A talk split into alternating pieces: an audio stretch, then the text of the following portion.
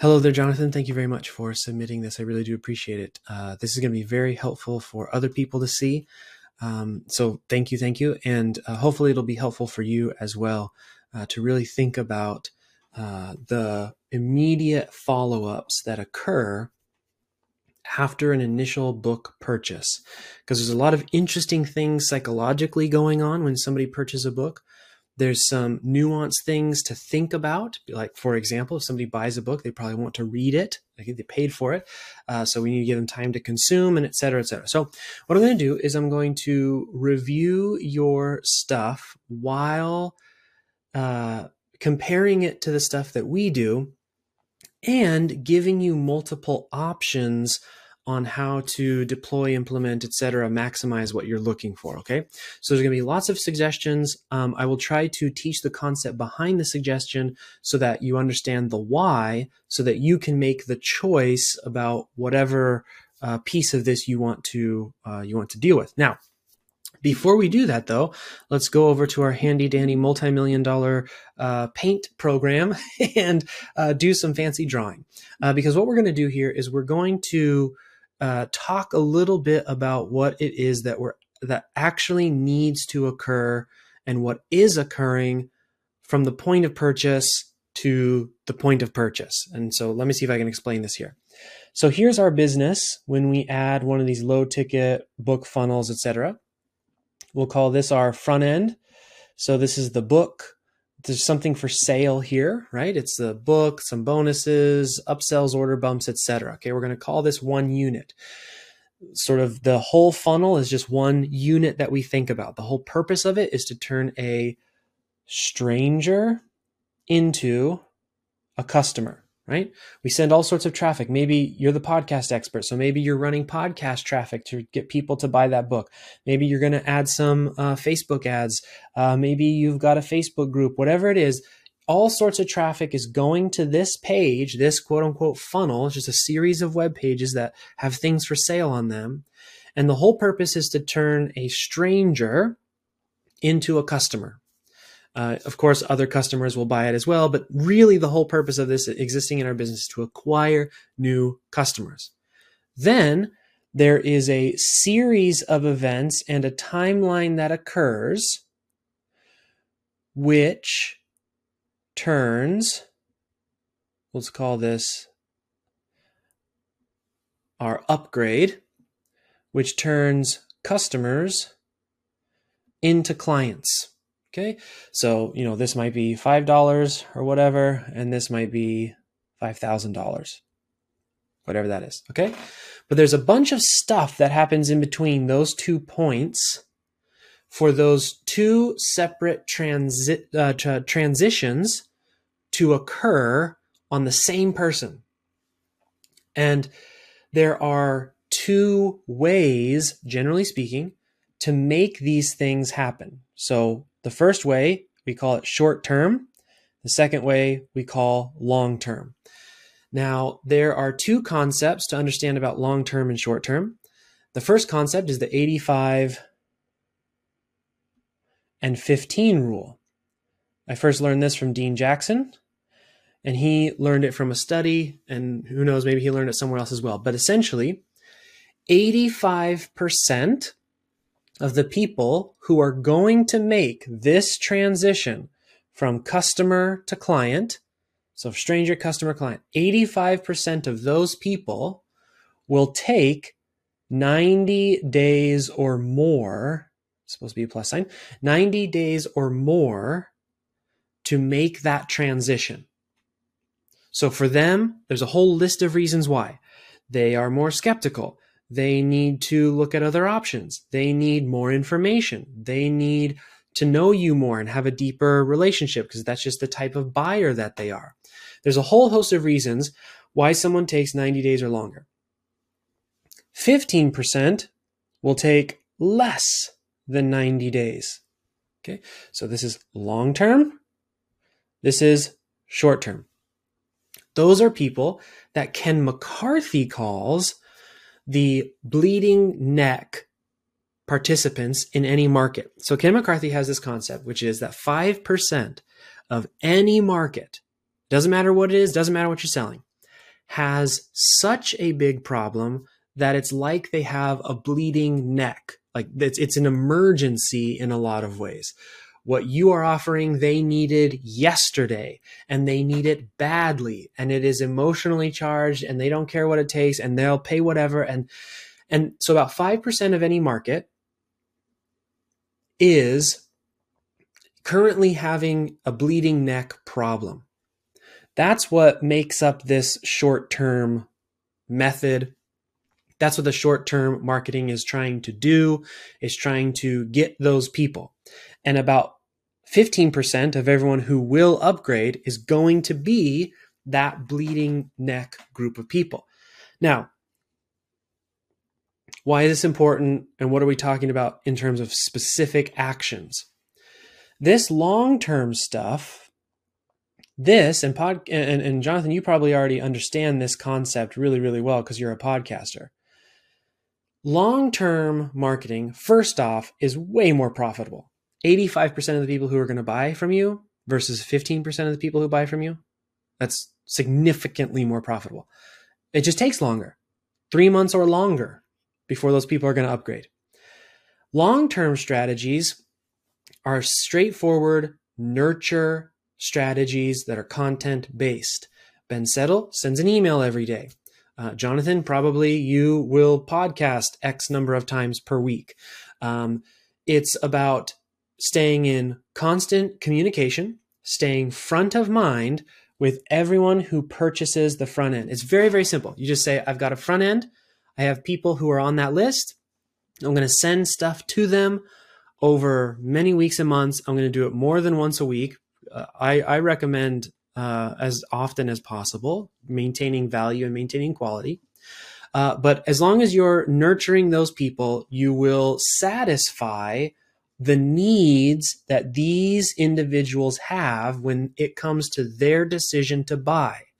So if they need to feel like they know you more, showing up a couple times a week for multiple weeks on end, months on end, will give them what they need.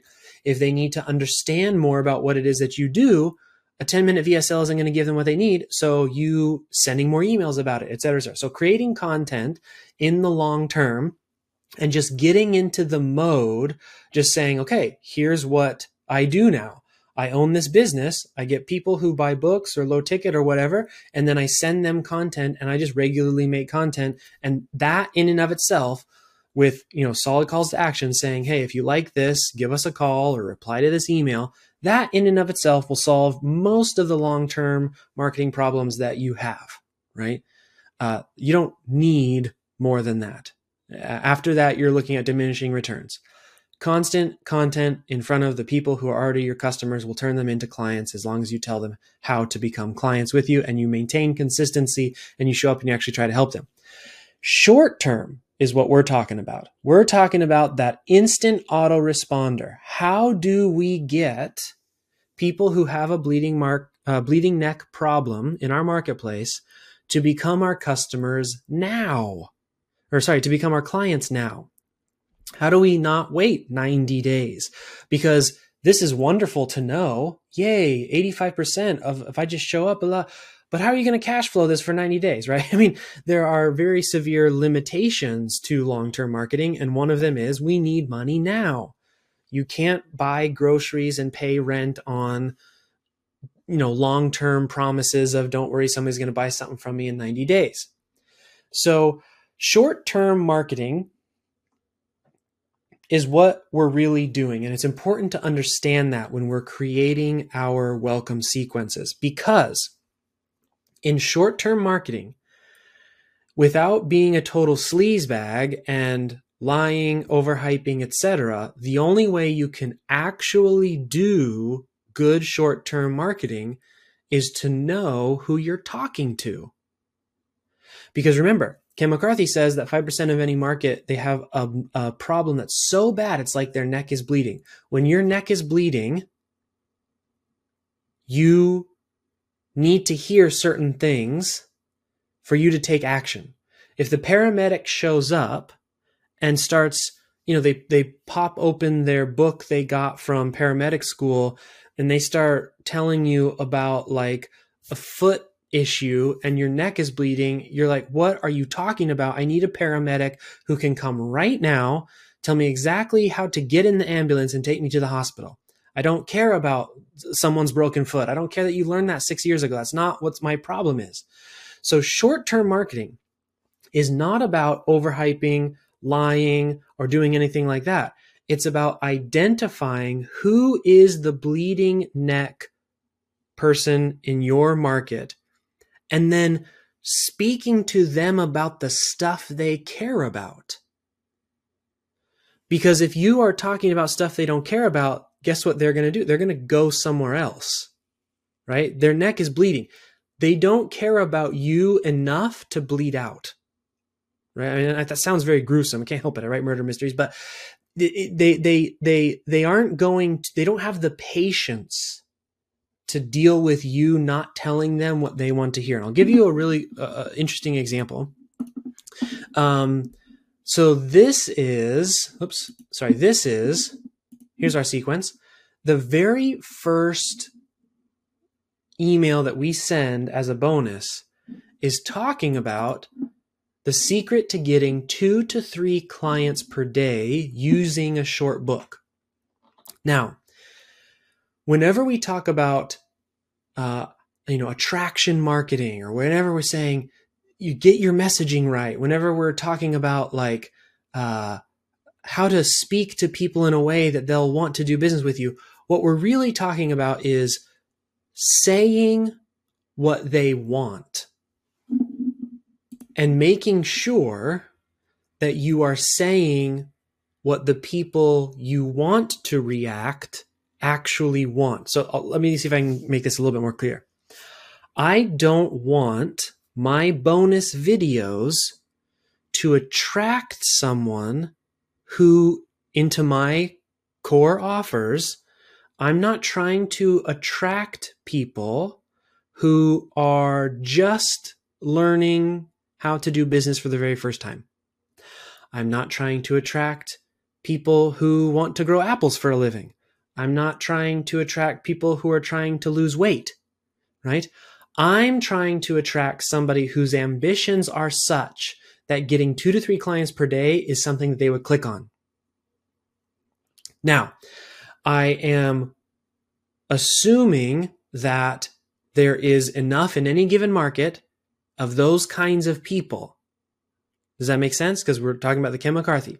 That's what I'm putting my faith in. I'm putting my faith in the religion of marketing and saying that 5% of any market, they just, if I aim my message correctly, they're going to buy into it. Therefore, I need to say what the people I want to work with want to hear. And those need to be the videos that I'm sending in my bonus follow up sequence. Because, again, remember, we're only trying to get the short term wins on these email sequences. The long term wins, the nurture content, that's going to take time. And we just show up and do that over and over and over again. It gets us six times as many sales and we love it. But the purpose of these welcome sequences is to speak directly to the people who have a problem, who have a bleeding neck, who are. Now, look, bleeding neck doesn't necessarily mean that they have a problem, that their life is falling apart. They're just hungry for the results. These are people who truly, you know, for example, the secret to getting two to three clients per day using a short book. This is going to be attractive to people who are like, no, I'm tired of not making money. I'm busting my butt here. I want, you know, how come everybody else is getting all these clients? So if you think back all the way to section one of our program, we talk a lot about understanding what your dream prospect has to have in order for you to be excited to work with them. Right? What does my dream prospect have to have in order for me to be excited to take them on as a client? Well, for us, a desire to make a lot of money is important. I don't want to work with somebody who's just trying to put together a side hustle for $1,000 a month and who doesn't care and isn't going to work for it and does they don't have that same drive. I have nothing against those people, but that's not the client I want to work with. I want to work with the person who's like, I'm ready to go. I want to do this. I'm, you know, like, let's make it happen.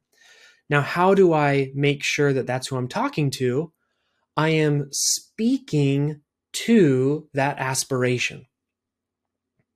Right. And that's my first video. Okay. So let's take a look now. And that's my short term, right? Hopefully, hopefully that all makes sense. Let me just go ahead and uh, look here now. Now, I don't know exactly who your, as I think this is your offer here. I'm not sure specifically exactly who uh, is your dream. So I'm just going to make some assumptions here. But let's go down and let's say the first email. Okay, so you got your welcome email. This looks like a great welcome email. I already read that one. All right, follow up. Now, again, I wouldn't limit this to the book opt in personally. I would send this to everybody who purchases the book because again you're you're you you want to maximize exposure to your videos and to your content and things because the more people who see it, the more likely some of them are in that 5%. Solo or interview. One of the most common questions I get from new clients is Should I do a solo or interview show? Okay, so already I can tell you this particular follow up is misplaced, meaning it's an opportunity not uh, not taken advantage of simply because I would imagine, and, and again, uh, you'll have to correct me if I'm wrong here, but I I believe that your approach to launching a podcast is one that I think you set it up here. Actually, let me just double check before I open my big fat mouth. Um, yes. Okay. So you are trying to help them get faster, easier, and more referrals and sales using Client Cartel's podcasting system. I'm assuming this is a system that allows people to use podcasting to land clients, right? So they've purchased this book about how to land clients using podcasting. And the first email, they're hungry. They're so excited. They're like, this is the this is the problem. This is the answer to my problem. I'm saved. I can't believe it's only a couple bucks. I can't wait for this. So so exciting.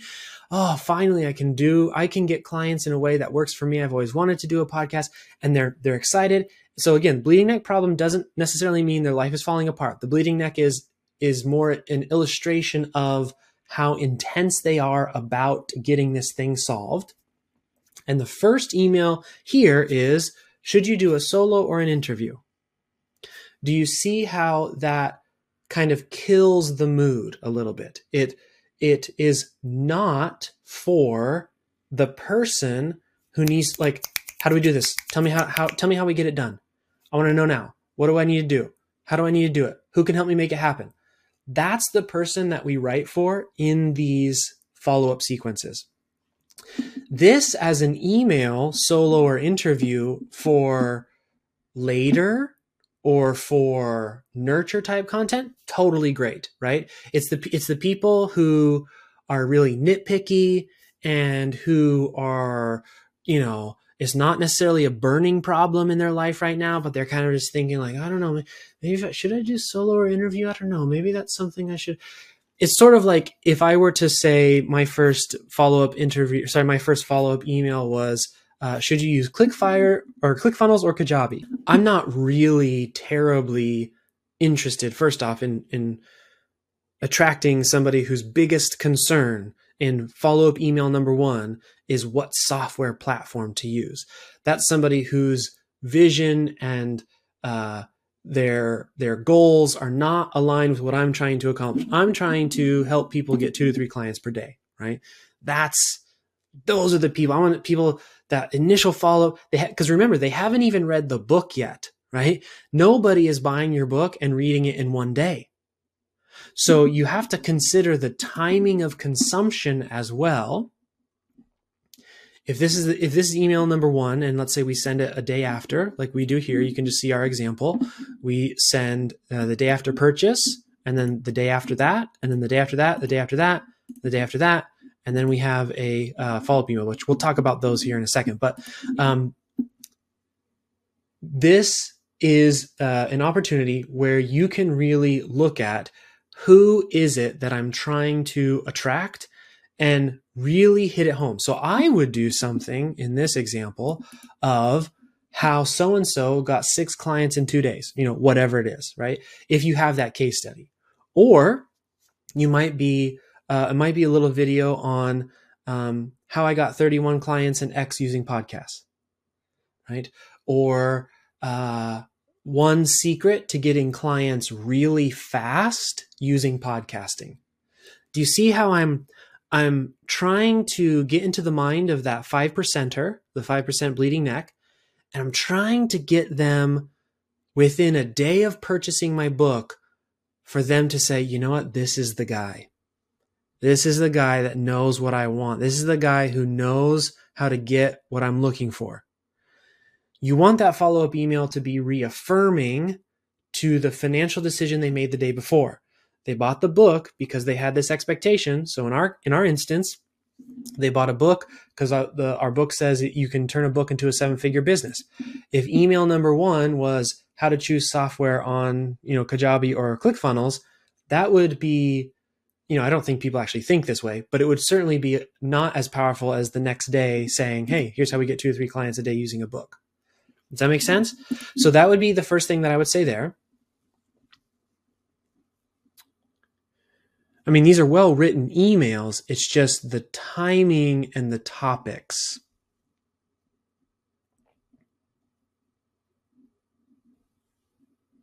This one, see, here we go. This one is already better for that timing. Like, this is perfect. You only need two things to make it work a podcast and the stuff in this video. Now you're talking to somebody, they're like, they're, they haven't read your book yet. Remember, they haven't read your book yet. But if this is sent the day after, they, it it makes them want to read the book. Because like I just bought this yesterday and already, oh, this guy knows what he's talking about. Do you see how there's there's just a different um you're you're almost looking to increase the frenzy. I don't I don't know if that makes any sense. But you want to keep them excited.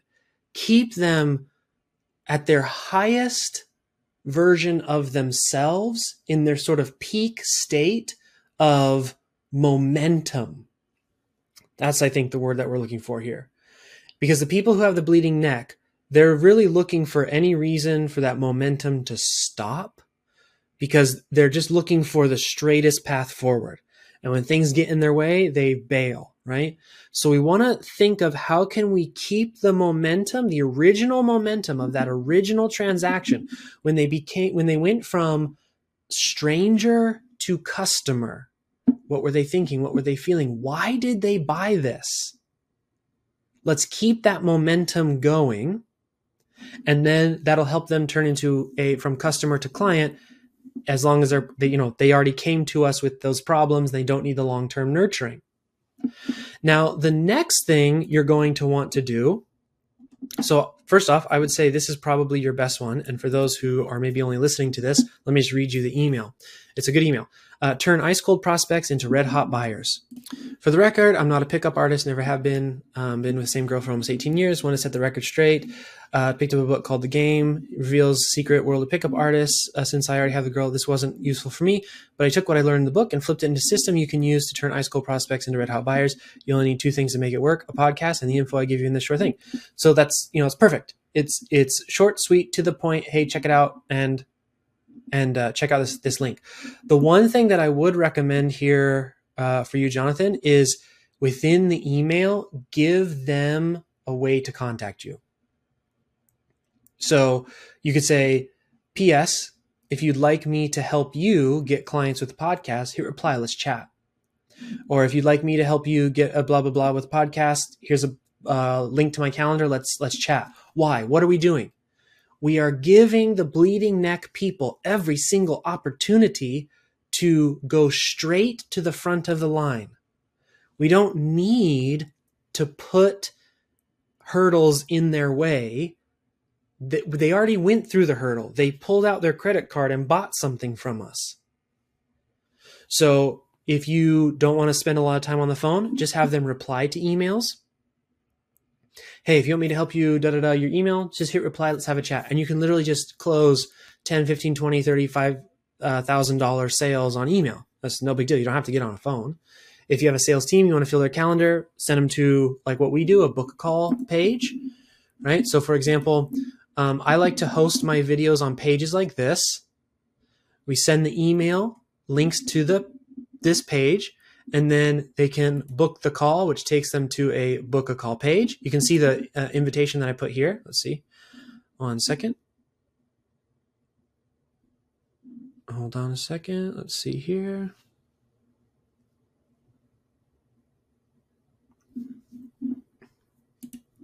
Uh, want me to help you achieve the same thing, book a call with my team here. And that's the beautiful thing about content like this. You just say, Hey, everything you just learned, you want me to help you do it? Cool, book a call. Um, and then this is our call page here. I will tell you that this current version of the call page, we I hate personally. We used to actually have it much more transparent and strict. Uh, we tested to make it more open and broad. The call quality dropped significantly. We're going to be switching it back. However, uh, the idea is that you just put a video explaining what it is that you do, and then people can book a call. They click it. Uh, we like to use Typeform um, as our uh, application. Once they fill out the Typeform, it goes to uh, Calendly or Schedule Once or whatever it is that we're using. Platform doesn't matter, and they can book a call from there. Okay, but this would be the perfect email to then put a little PS. And frankly, you could put them on all your emails. There's, there's no reason not to. Um, let's see what else we got here.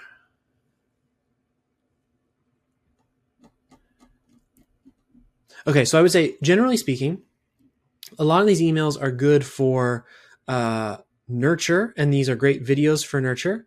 I think of these specific emails, this is your best one by far when thinking about the bleeding neck and the short term goals that we're trying to achieve in those first couple days.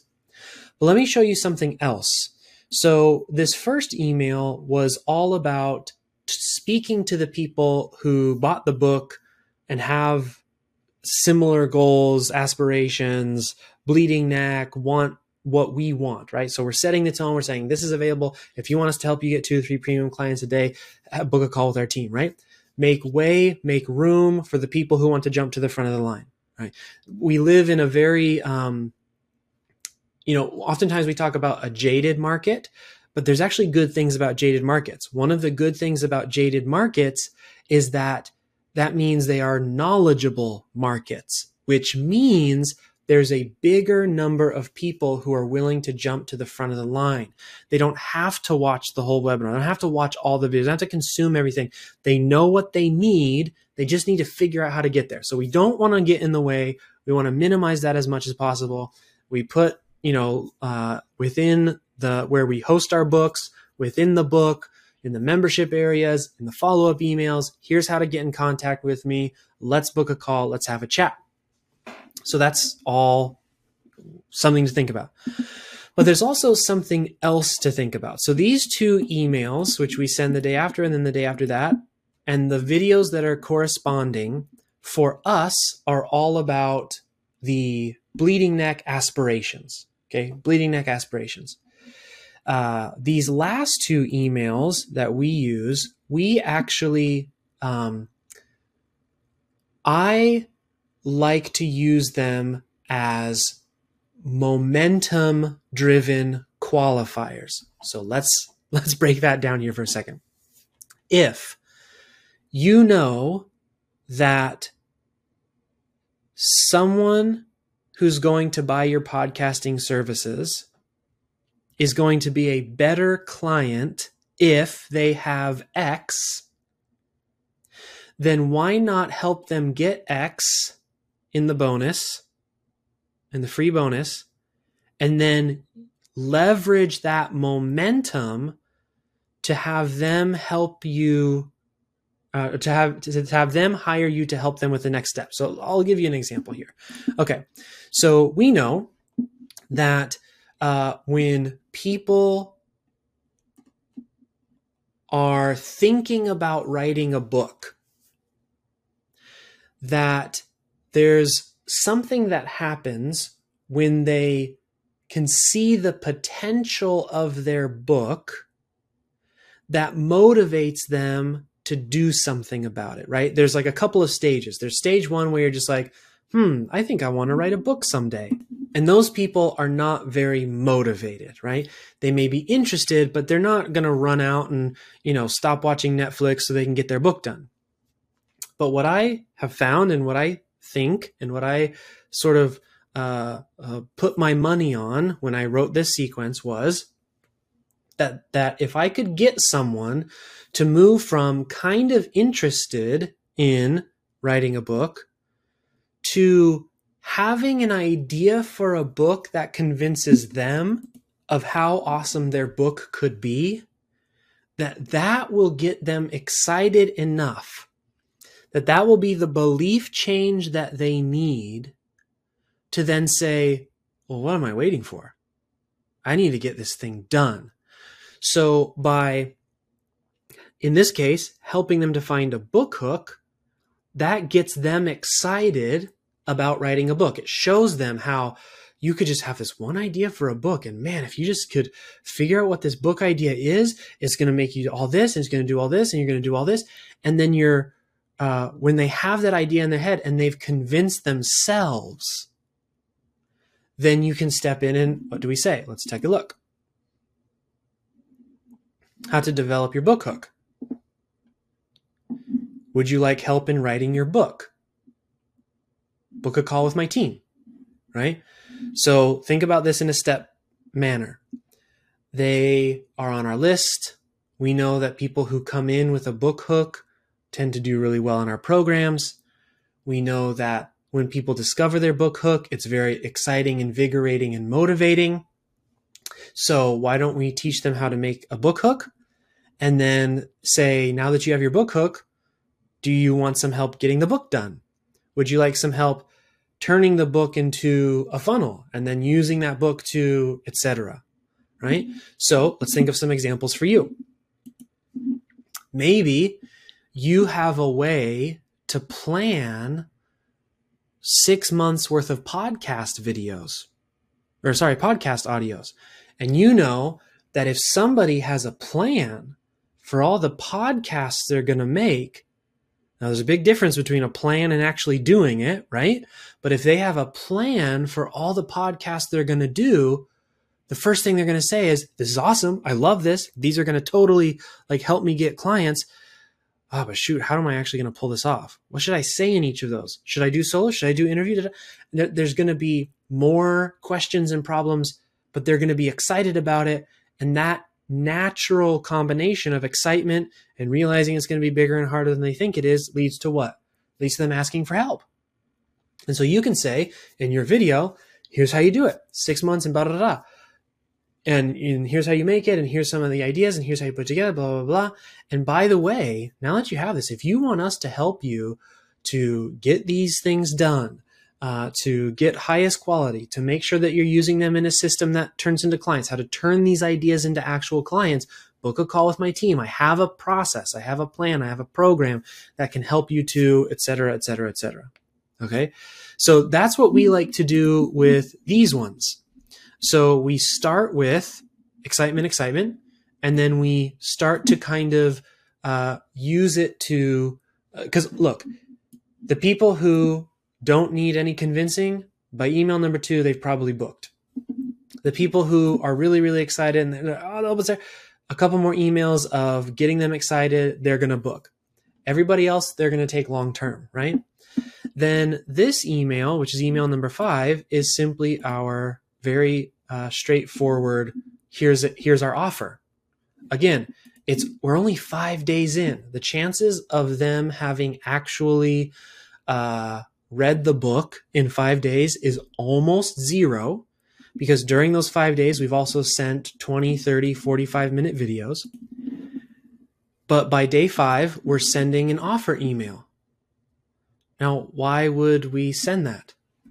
Because of the 5% of people who, before they even finish the book, know they want help. That we are getting out of our own way. We're not making assumptions. We're letting people know what's available. And this is our email. And then we have uh, this is another one that we send. Um, well, this is this is the replacement one that we're that we're sending. So it's it's pretty much the same thing. Let's see. Let me double check, make sure. Yeah, it's the same thing. So it's just this is this is actually not any different. This is our whatever you call it, email number five. Okay, just probably with some updates on language or something. Okay, so that that's it. So this right here, just these four emails, uh, plus this one email here, this has kept us busier than we can handle on the back of a book. So we send the welcome email, we send four follow up emails aimed at the bleeding neck, we send an offer email, and then from there, we just start doing nurture content. Now, I will tell you something that we are doing this year, which is we have a year of nurture content and we have the data to prove it. As you can see here, we track all of our data. We track it pretty extensively. So, what do you think we're going to do now? We're going to go back to all the best performing nurture content and we're going to just pop it in here. We're just going to extend uh, the automated parts of the nurture content so that we don't have to always be guessing. So I like to think of, if we go back here, I like to think of the long term where we're creating content on a regular basis, as long as it's ever